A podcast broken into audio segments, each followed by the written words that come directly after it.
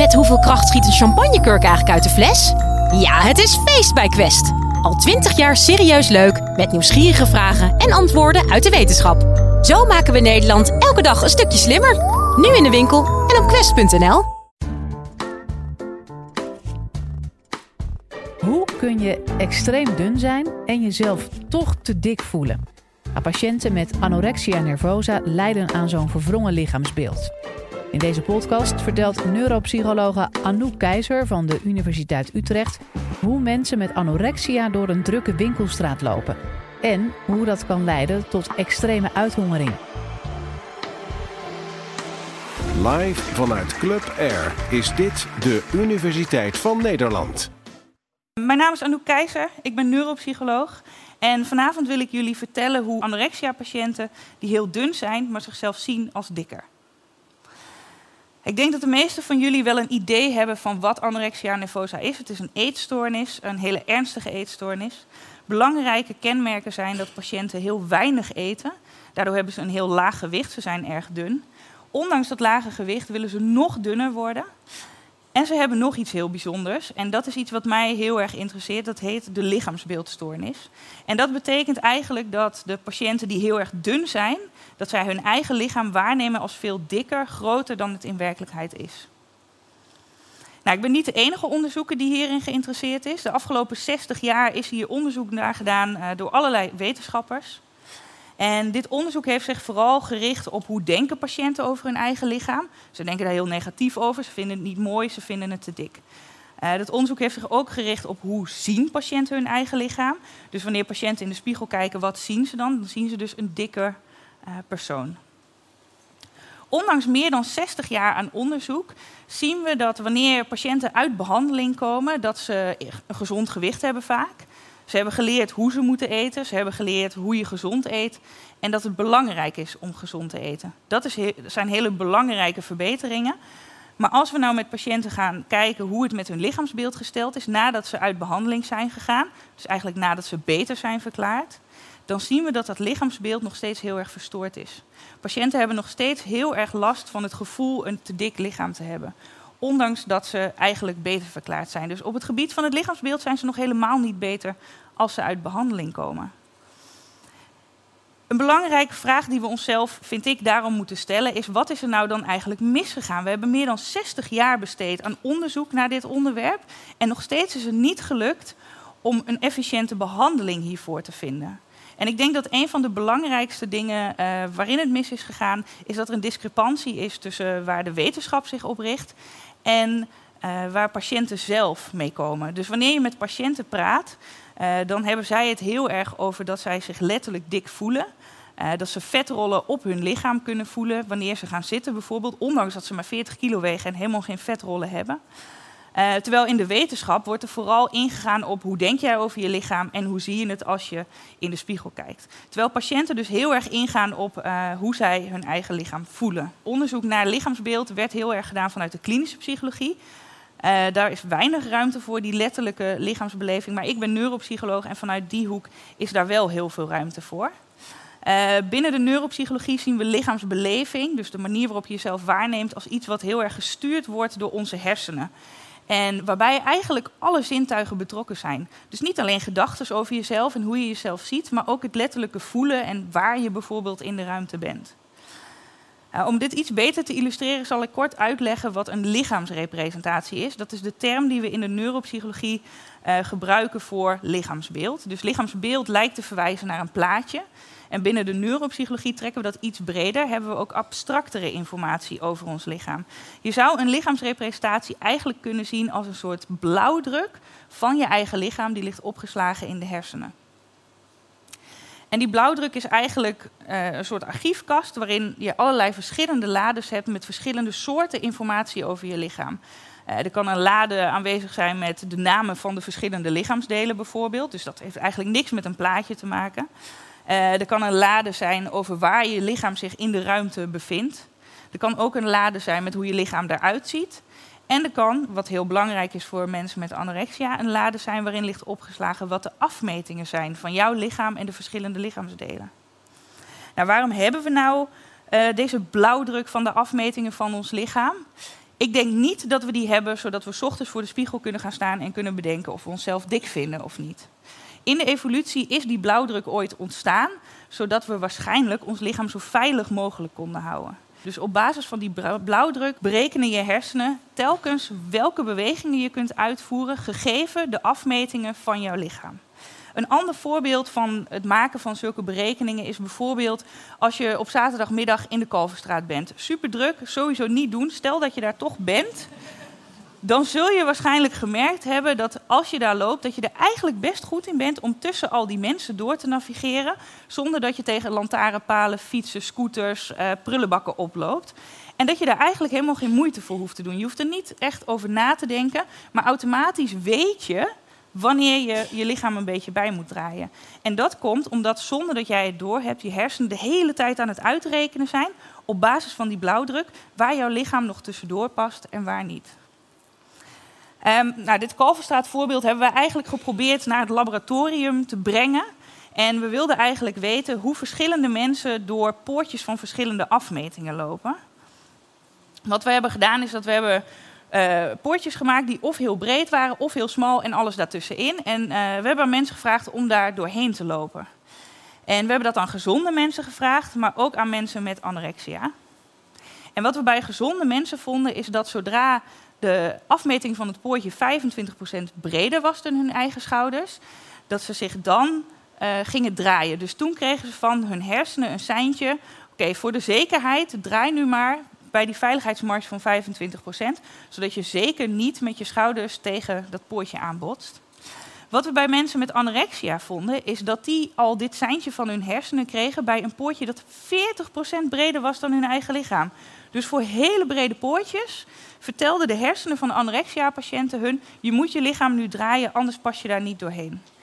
En het mooie aan dit experiment was dat we eigenlijk de, de, deelnemers hebben voorgelogen. Dus we hebben niet verteld dat wij gingen meten hoe ze hun schouders draaiden terwijl ze door die poortjes liepen. We deden net alsof het heel ergens anders over ging.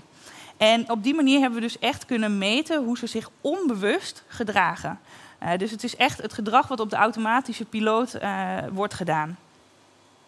Wat dit laat zien is dat mensen met anorexia zich dus eigenlijk zonder dat ze het doorhebben de hele dag bewegen alsof ze veel dikker zijn dan ze eigenlijk zijn. Beetje alsof ze zo'n Michelin-mannetjespak hebben aangetrokken. Um, en hoe dat relateert aan die blauwdruk is dat de hersenen van de anorexia-patiënten dus waarschijnlijk berekeningen maken op basis van een blauwdruk die niet klopt, die veel te groot is. En we wilden dit verder onderzoeken. Um, in het begin van het college vertelde ik iets over dat anorexia-patiënten vaak aangeven: ja, maar ik voel dat vet op mijn lichaam, terwijl dat eigenlijk helemaal niet kan, want ze hebben geen vet. Uh, dit willen we op een hele simpele manier ook onderzoeken van hoe voelen patiënten zich letterlijk. Laten we daar dan maar eens naar gaan kijken. En wat we in dat onderzoek hebben gedaan, is dat we mensen op verschillende lichaamsdelen met een schuifmaat twee prikjes gaven. En de mensen waren geblinddoekt tijdens het onderzoek. En terwijl ze die blinddoek op hadden, hadden ze die prikjes gekregen. En dan moesten ze tussen duim en wijsvinger inschatten wat de afstand tussen die twee prikjes was. Wat we vonden is dat gezonde mensen dit eigenlijk best wel goed kunnen. Anorexia-patiënten laten ook hier weer een overschatting zien. Als zij een prikje voelen, dan schatten ze dat best wel veel groter in, ongeveer 2 centimeter. Dus dat laat eigenlijk zien dat als iemand met anorexia zegt: Ja, maar ik voel mij dik, dat ze inderdaad wel een punt heeft. Want zij voelt op een andere manier met haar lichaam, met haar huid. Alsof die huid opgeblazen of uitgerekt is. Nou, en ook hier zul je misschien denken: wat heeft dit dan met die blauwdruk van het lichaam te maken? Die ligt opgeslagen in de hersenen. Wat er eigenlijk gebeurt om zo'n schatting te kunnen maken, is dat uh, informatie vanuit de huid, vanuit cellen in de huid naar de hersenen wordt gestuurd. En die cellen in je huid die kunnen de hersenen heel veel vertellen over aanrakingen, over bijvoorbeeld die twee prikjes. Maar niet wat de afstand tussen de twee prikjes is. Dus wat er moet gebeuren is dat de hersenen eigenlijk wat ze hier gevoeld hebben, als het ware projecteren op een blauwdruk van het eigen lichaam. Als die blauwdruk dan niet klopt, dan klopt de schatting die vervolgens gemaakt wordt ook niet. Nou, dit is allemaal nieuwe kennis die we hebben opgedaan over anorexia, door vanuit een neuropsychologische uh, hoek naar te kijken. Uh, dat is heel belangrijk, die nieuwe kennis, want het heeft ons veel inzicht gegeven. Maar wat ik zelf belangrijker vind, is de vraag van kunnen we hier patiënten mee helpen? Kunnen we dit vertalen naar de praktijk? Nou, dat kan gelukkig. Uh, samen met een psychomotorische therapeut, José Bonenkamp, heb ik een uh, nieuwe therapie ontwikkeld. Die is bedoeld als aanvulling op bestaande behandelingen voor anorexia. Um, en we hebben hiervoor de kennis gebruikt uit de onderzoeken die ik net heb besproken. Maar we hebben ook kennis gebruikt over gezonde mensen. Want ook bij gezonde mensen kan het tijdelijk misgaan met die blauwdruk. Bijvoorbeeld bij mij. Ik ben behoorlijk zwanger. En op een gegeven moment, als je zwanger bent, gaat je buik heel snel groeien. En soms kunnen je hersenen dat niet allemaal bijbenen. Wat er dus dan kan gebeuren, is dat je tegen dingen aanstoot met je buik. Dat is eigenlijk een signaal aan de hersenen dat hoe de blauwdruk van de buik is opgeslagen niet klopt met hoe die in werkelijkheid is. En juist door tegen dingen aan te stoten, kunnen je hersenen leren: oh wacht, we moeten wat hier ligt opgeslagen updaten, aanpassen aan de werkelijke afmetingen. Maar bij anorexia-patiënten gebeurt eigenlijk het omgekeerde. Het poortjesonderzoek liet zien dat zij zich bewegen alsof ze groter zijn dan ze in werkelijkheid zijn. En ze gaan dus nooit ergens tegenaan botsen. En hun hersenen krijgen dus simpelweg niet de kans om te leren dat hoe ze die blauwdruk hebben opgeslagen, dat dat niet klopt en dat het aangepast moet worden. Nou, en dat heeft de basis gevormd voor die nieuwe therapie die we hebben uh, ontwikkeld. Um, en die therapie, dat is uh, hoepeltraining. Die worden op de grond gelegd. En de vraag is dan aan de patiënt: zou jij de hoepel willen kiezen waar je denkt dat je precies doorheen past? Je mag jezelf doorheen wurmen. En degene die jij kiest, daar mag je in gaan staan en die moet je ook echt over je hoofd doen. Wat we in de therapie zien is dat patiënten dit vaak doodeng vinden. Daarom herhalen we de therapie ook gedurende een aantal weken. Uh, en heeft de coach uh, of heeft de therapeut een hele coachende uh, rol. En die stuurt de patiënt daarin in het kiezen van een steeds realistischere hoepel. En wat nou het mooie is van deze simpelogende hoepeltraining, is dat die eigenlijk inspeelt op alle aspecten van het lichaamsbeeld die verstoord zijn bij anorexia-patiënten. Dus patiënten zien die hoepels liggen op de grond.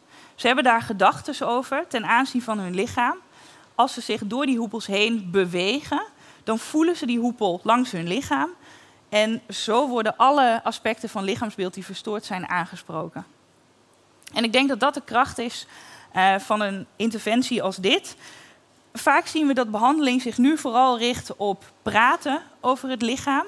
En wij willen juist inzetten op uh, echt ervaringen opdoen met het lichaam. Omdat we uit onderzoek nu weten dat het lichaamsbeeld eh, dat verstoord is bij anorexia-patiënten, dat dat eigenlijk veel verder gaat dan alleen maar hoe je over jezelf denkt. Dus waarom zou je dat dan kunnen oplossen met alleen maar praten? Uh, we hebben nu de eerste studies gedaan en die studies laten zien dat dit een succesvol, uh, succesvolle behandeling is in aanvulling op bestaande behandelingen. En daarom zijn we nu ook sinds het begin van dit jaar um, workshops aan het geven, zodat hopelijk uh, deze interventie onderdeel kan worden van de standaardzorg voor anorexia-patiënten.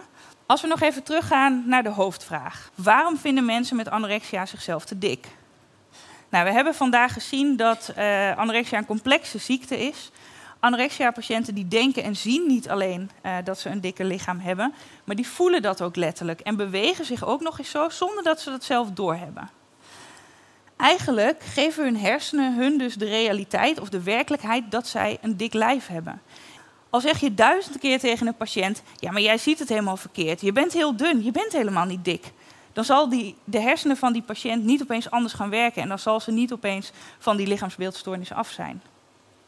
En daarom denk ik dat het heel belangrijk is om in behandeling niet alleen te praten over het lichaamsbeeld, maar om er dus ook echt iets mee te doen. Bijvoorbeeld in een psychomotorische uh, therapie zoals wij die ontwikkeld hebben. En ik denk dat dit soort psychomotorische interventies echt de toekomst zijn, die ervoor kunnen zorgen dat patiënten niet alleen met een gezond gewicht uit behandeling komen, maar ook met een tevreden gevoel over hun eigen lichaam.